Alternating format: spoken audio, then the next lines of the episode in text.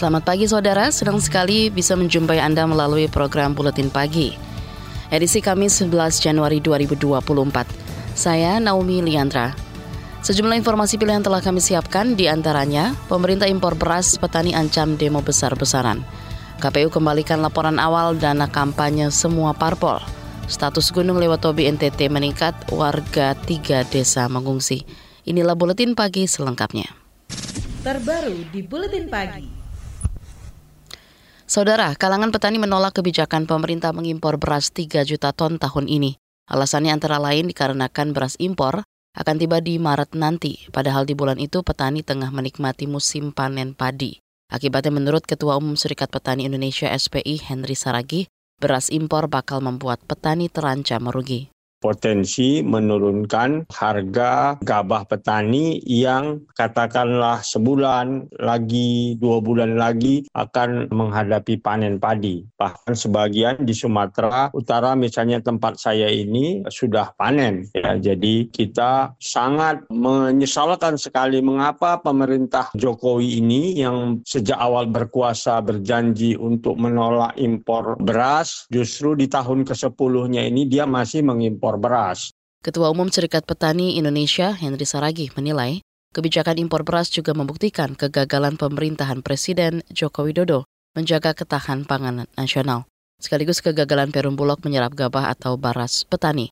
Henry mengingatkan jika impor beras dilanjutkan, maka pekan depan Serikat Petani Indonesia akan menggelar aksi demo besar-besaran. Sebelumnya pemerintah tengah mempersiapkan impor beras 3 juta ton tahun ini. Menko Perekonomian Erlangga Hartarto memperkirakan beras impor akan tiba di tanah air Maret nanti. Di Indonesia itu 3 juta, 3 juta ton tahun ini, tahun lalu 3 kemarin. Tidak semuanya bulan Juli, kita lihat di musim tanam.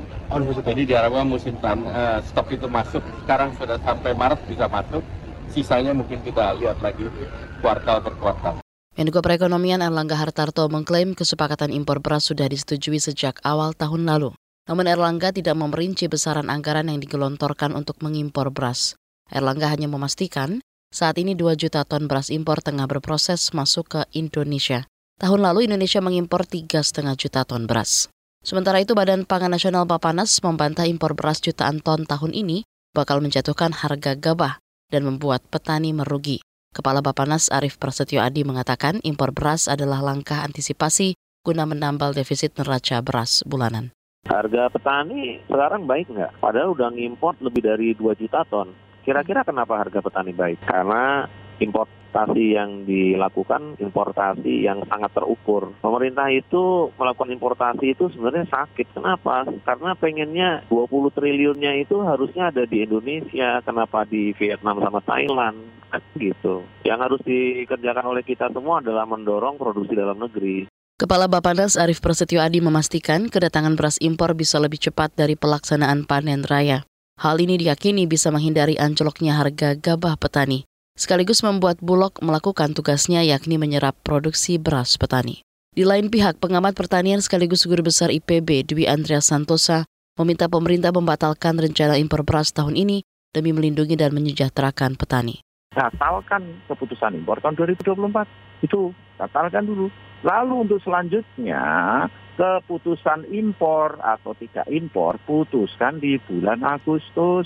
Kenapa di bulan Agustus? Apakah terlambat? Ya nggak terlambat sama sekali. Karena kenaikan harga beras itu pengamatan kami itu selalu mulainya ya sekitar September, Oktober, nanti tinggi-tingginya di bulan Februari. Ya.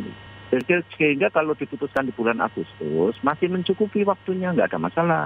Pengamat pertanian sekaligus guru besar IPB Dwi Andrea Santosa juga memperkirakan Produksi beras tahun ini akan naik 3-5 persen, atau akan ada tambahan produksi sekitar 1 juta ton beras. Jika pemerintah tetap mengimpor beras bertepatan dengan panen raya, yakni sekitar Maret hingga April, maka sudah pasti harga gabah di tingkat petani akan jatuh dan menyengsarakan petani. Komisi Pemilihan Umum mengembalikan laporan awal dana kampanye semua partai politik peserta pemilu. Apa sebabnya? Tetaplah di Buletin Pagi KBR.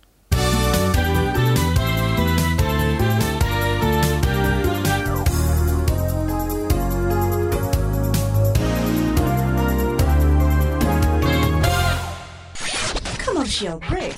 Commercial break.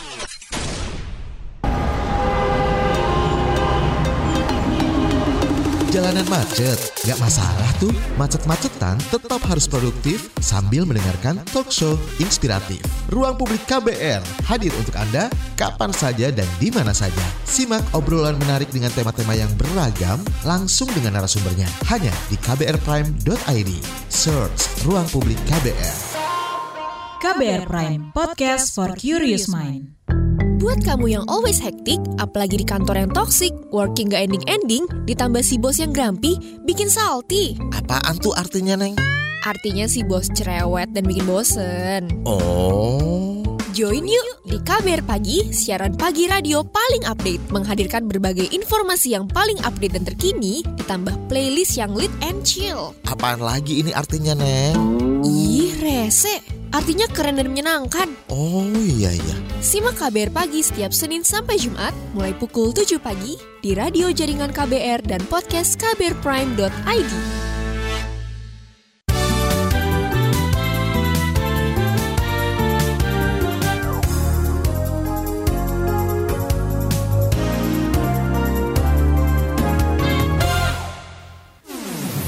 Kabar Pemilu.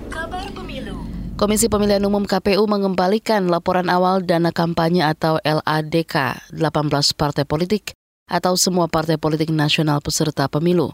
LADK merupakan laporan yang wajib diserahkan partai politik, selain laporan pemberi sumbangan dana kampanye, serta laporan penerimaan dan pengeluaran dana kampanye. Menurut Komisioner KPU Idam Holik, LADK harus dilengkapi dan diserahkan lagi ke KPU Jumat besok. KPU akan mempublikasikan kepada publik atau pemilih Indonesia bahwa partai ini yang secara lengkap telah menyampaikan laporan awal dana kampanyenya dan ada juga partai politik yang tidak lengkap menyampaikan laporan awal dana kampanyenya. Begitu juga berlaku untuk calon DPD di seluruh Indonesia. Kami meyakini bahwa pemilih Indonesia semakin memahami tentang pentingnya transparansi dana kampanye karena demokrasi yang baik itu adalah demokrasi yang transparan, tidak ada clean governance tanpa demokrasi yang transparan. Itu tadi Komisioner KPU Idam Holik. Sementara itu Wakil Ketua Dewan Pembina Partai Solidaritas Indonesia PSI Grace Natali menjelaskan LADK milik PSI masih dalam pengerjaan. Tercatat data LADK tingkat nasional PSI memiliki total penerimaan 2 miliar dan total pengeluaran 180 ribu. Di lain pihak, Lembaga Kemitraan Demokrasi dan Pemberdayaan Pemilu Indonesia mendorong KPU mengumumkan nama 119 calon anggota legislatif caleg yang tidak melaporkan laporan awal dana kampanye. Tujuannya antara lain agar publik dapat melihat caleg mana yang berkomitmen dan berintegritas. Wakil Presiden Ma'ruf Amin mengatakan pemilu 2024 menjadi tonggak penting yang mengantarkan rakyat menuju Indonesia Emas 2045. Wapres berharap pemimpin terpilih mampu memimpin seluruh komponen bangsa agar Indonesia menjadi negara maju, sejahtera, dan disegani dunia. Maruf menyampaikan hal itu kemarin saat menghadiri peringatan hari ulang tahun ke-51 PDI Perjuangan di Jakarta. Saya sependapat bahwa kesejahteraan akan bisa dicapai kalau kita bisa mengentaskan kemiskinan. Sumber masalah yang dihadapi rakyat adalah kemiskinan. Kemiskinan harus kita hapus dari negeri kita Indonesia itu. Wapres Maruf Amin juga mengingatkan seluruh peserta pemilu harus ikut berperan menjadikan pemilu 2024 aman, damai, dan berkualitas. Dan siapa pun pemenangnya nanti adalah pemimpin terbaik berdasarkan pilihan rakyat, sehingga perlu didukung dan dihormati. Beralih ke informasi lain, Presiden Joko Widodo kemarin bertemu Presiden Filipina Ferdinand Marcos Jr. di Istana Malacanang, Manila. Jokowi mengatakan, 75 tahun hubungan diplomatik Indonesia-Filipina adalah momen terbaik untuk memperkuat kerjasama konkret kedua negara. Terkait hal tersebut, saya ingin menyampaikan tiga hal. Yang pertama, di bidang politik dan keamanan, kami sepakat memperkuat kerjasama perbatasan dan telah saya sampaikan pentingnya mendorong percepatan revisi Border Patrol Agreement, Border Crossing Agreement, dan penyelesaian batas landas kontinen serta penguatan kerjasama pertahanan termasuk alutsista. Presiden Joko Widodo mengatakan di bidang ekonomi kedua negara sepakat untuk terus membuka akses pasar.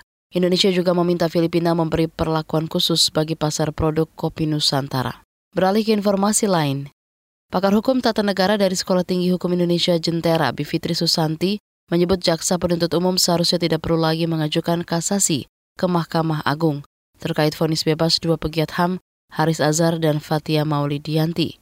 Apalagi kata dia setelah 32 kali persidangan, dakwaan terkait penghinaan dinyatakan tidak tepat dan tidak terbukti. Betul sekali bahwa seharusnya putusan bebas seperti ini memang tidak perlu dikasasi uh, atas alasan hak asasi manusia.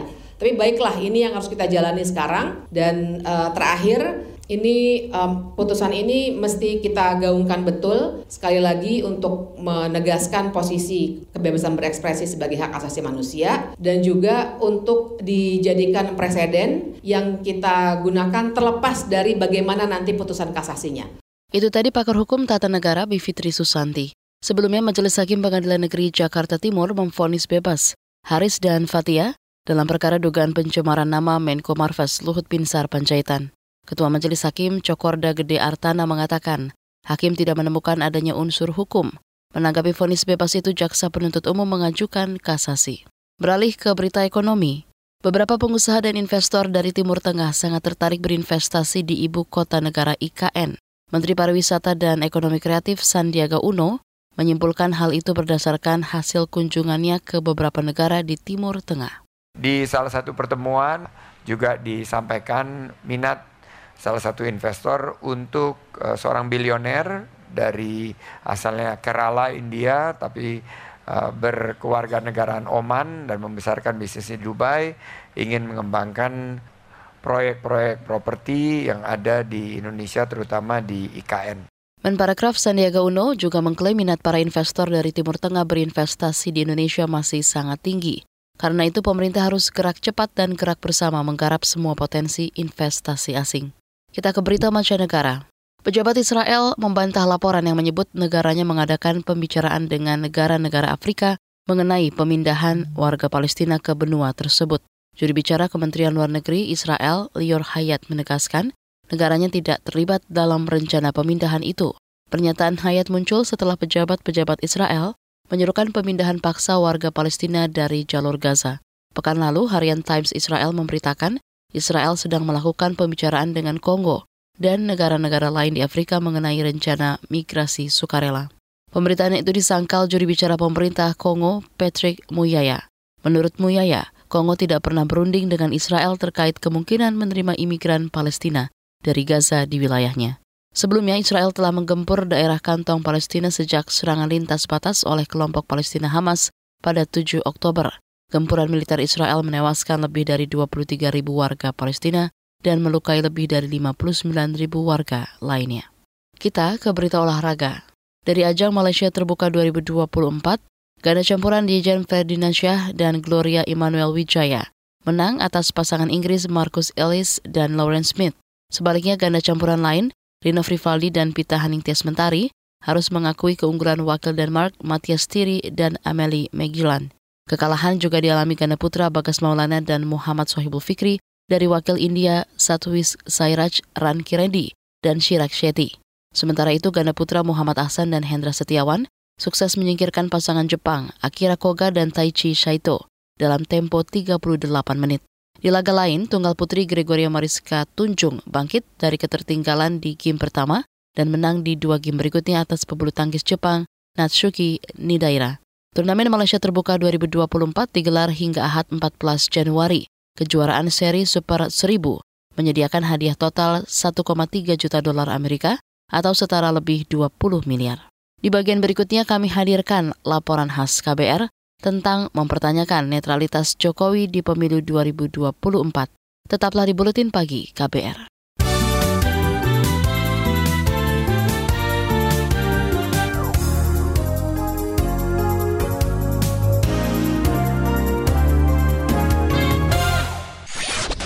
Commercial break.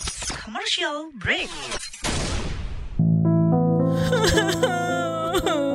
lah, ini anak kenapa? Gue diputusin Reyhan. Aduh, yang sabar ya, Andi. Saran gue, biar nggak terlalu kecewa, kalau jatuh cinta, jangan terlalu mendalam deh. Biar Saga aja yang mendalam. Ih, apaan sih lo?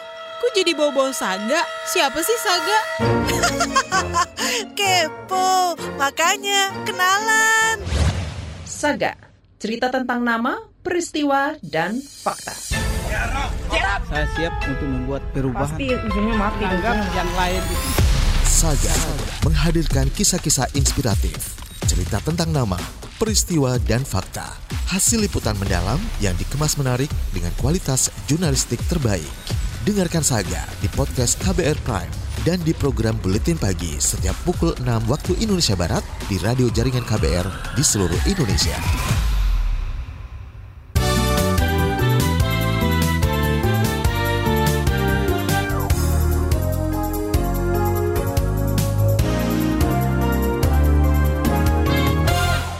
Anda masih bersama kami di Buletin Pagi KBR. Presiden Joko Widodo terus mendapat sorotan publik karena dinilai semakin tidak netral di pemilu 2024. Salah satunya saat ia ikut mengomentari debat capres ketiga minggu lalu. Benarkah Jokowi makin menunjukkan sikap tak netral dan berpihak di Pilpres 2024?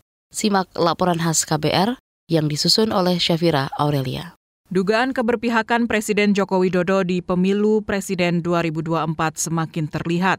Hal ini ditandai dengan tindakan Jokowi yang secara terang-terangan bertemu calon Presiden Prabowo Subianto dan elit politik pengusungnya.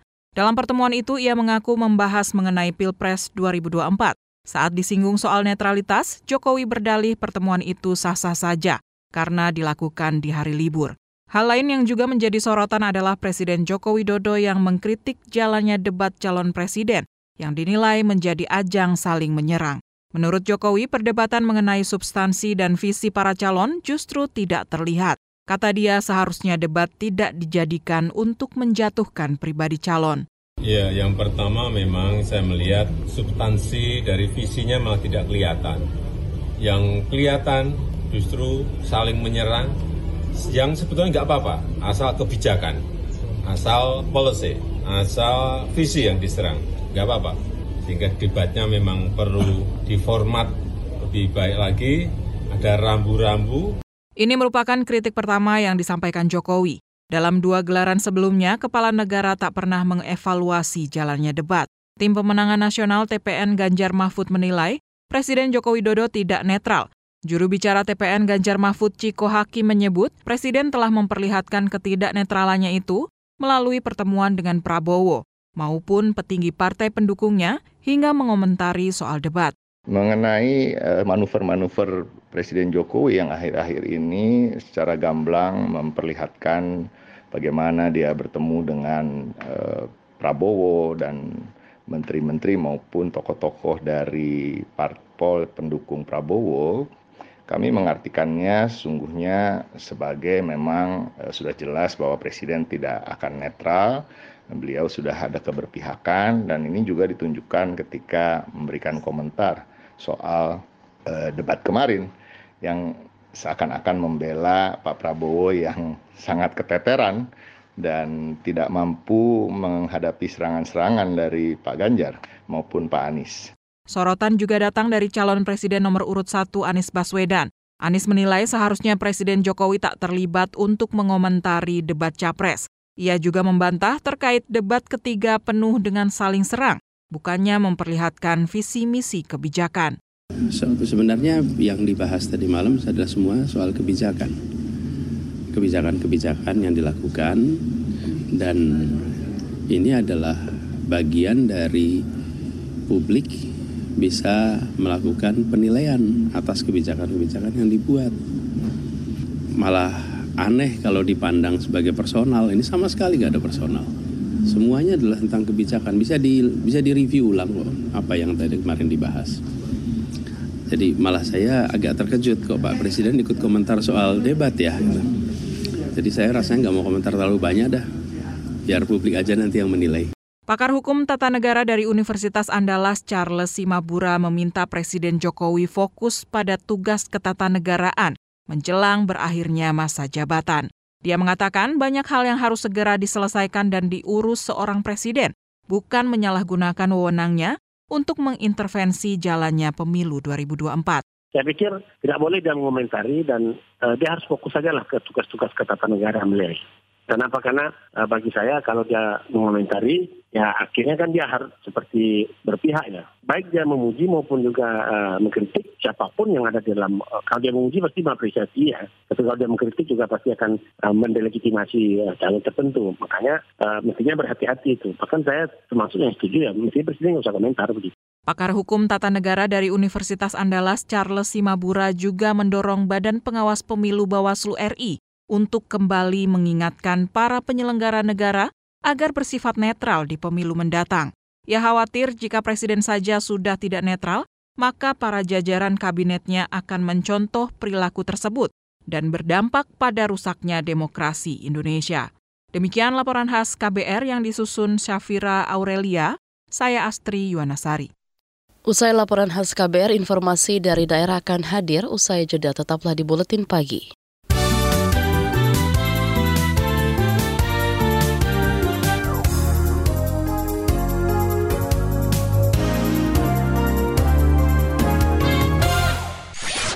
Commercial break. Commercial break. Yang baru, yang baru, yang baru. Tidak ada yang lebih baru dari kabar baru.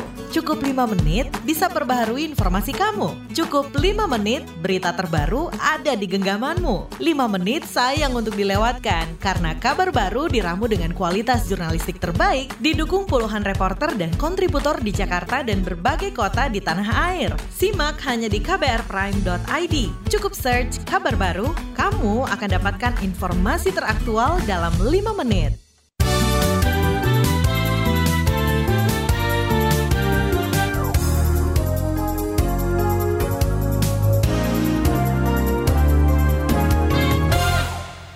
Saya Naomi, Anda masih bersama kami di Buletin Pagi KBR. Kita ke Nusa Tenggara Timur. Tiga desa harus dikosongkan pasca status Gunung Lewotobi laki-laki di Nusa Tenggara Timur ditingkatkan statusnya. Sebab tiga desa itu karena berada di radius 4 sampai 5 km dari kawah gunung. Juri bicara Badan Nasional Penanggulangan Bencana BNPB Abdul Muhari menyebut ketiga desa itu adalah Nawakote, Tang, Talo, dan Desa Hokeng Jaya di Kecamatan Wulanggitang, Flores Timur. Kita masih melakukan asesmen dengan peningkatan status lewotobi laki-laki dari level 3 ke level 4 itu kalau diperlukan titik-titik mana atau uh, penduduk tempat mana lagi yang harus diungsikan. Karena SOP-nya memang itu harus kalau level 4 itu mengungsi semua. Nggak boleh ada di radius 4 kilo dan 5 kilo sektoral tadi. Juri bicara BNPB Abdul Muhari menambahkan jumlah pengiriman logistik untuk pengungsi siap ditambah bila jumlah pengungsi juga terus bertambah. Hingga kini, jumlah pengungsi yang terdampak erupsi Gunung Lewat Tobi laki-laki di NTT sudah mencapai lebih dari 5.000 orang. Sebagian besar dari mereka menderita infeksi saluran pernafasan akut atau ISPA. Bergeser ke Solo, puluhan ribu anak usia 0 hingga 7 tahun di Solo menjadi target sasaran imunisasi vaksin polio. Selengkapnya disampaikan kontributor KBR. Puluhan ribu anak usia 0 hingga 7 tahun di Solo akan menjadi target sasaran imunisasi vaksin polio. Juru bicara Dinas Kesehatan Pemkot Solo Setiawati mengatakan imunisasi vaksin polio ini bagian dari untuk mencegah penularan polio menyusul ditemukannya satu kasus positif polio di Klaten dua pekan lalu. Menurut Setiawati, imunisasi akan dilakukan serentak mulai pekan depan. Lebih lanjut, Setiawati meminta orang tua maupun masyarakat bisa proaktif dalam memutus transmisi penularan virus dengan memastikan anak-anak menerima imunisasi polio secara lengkap. Polio adalah penyakit yang bisa dicegah dengan imunisasi pada anak. Virus polio mudah berkembang biak di dalam saluran pencernaan dan menyerang sistem saraf anak berdampak pada kelumpuhan. Dari Solo, Jawa Tengah, Yuda Satriawan, KBR. Kembali ke Jakarta, Komisi Pemberantasan Korupsi KPK mengundang tiga pasangan calon presiden dan wakil presiden untuk saling menyampaikan gagasan terkait pemberantasan korupsi. Juri bicara KPK IP Mariati Kuding mengatakan ketiga pasangan calon diharapkan memaparkan gagasan itu di acara penguatan anti korupsi untuk penyelenggara berintegritas atau PAKU Integritas pada 17 Januari persiapan kegiatan penguatan anti korupsi atau yang dikenal dengan Paku Integritas khusus bagi paslon Capres dan Cawapres yang kami agendakan pada pekan depan 17 Januari 2024. Juri bicara KPK, Ibi Mariati Kuding menambahkan, pemaparan gagasan oleh tiga paslon juga bertujuan mengulik komitmen mereka terhadap pemberantasan korupsi. Penyampaian gagasan itu juga sejalan dengan kampanye yang sedang digalakan KPK, yakni hajar serangan fajar untuk memberangus praktik politik uang. Informasi tadi menutup jumpa kita di Buletin Pagi. Pantau terus informasi terbaru melalui kabar baru, situs kbr.id, Twitter atau X kami di akun @beritaKBR, dan juga podcast di kbrprime.id. Saya Naomi Liandra bersama tim yang bertugas undur diri. Salam.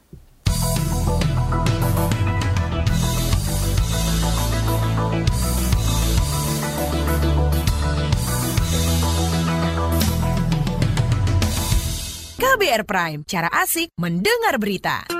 KBR Prime, podcast for curious mind.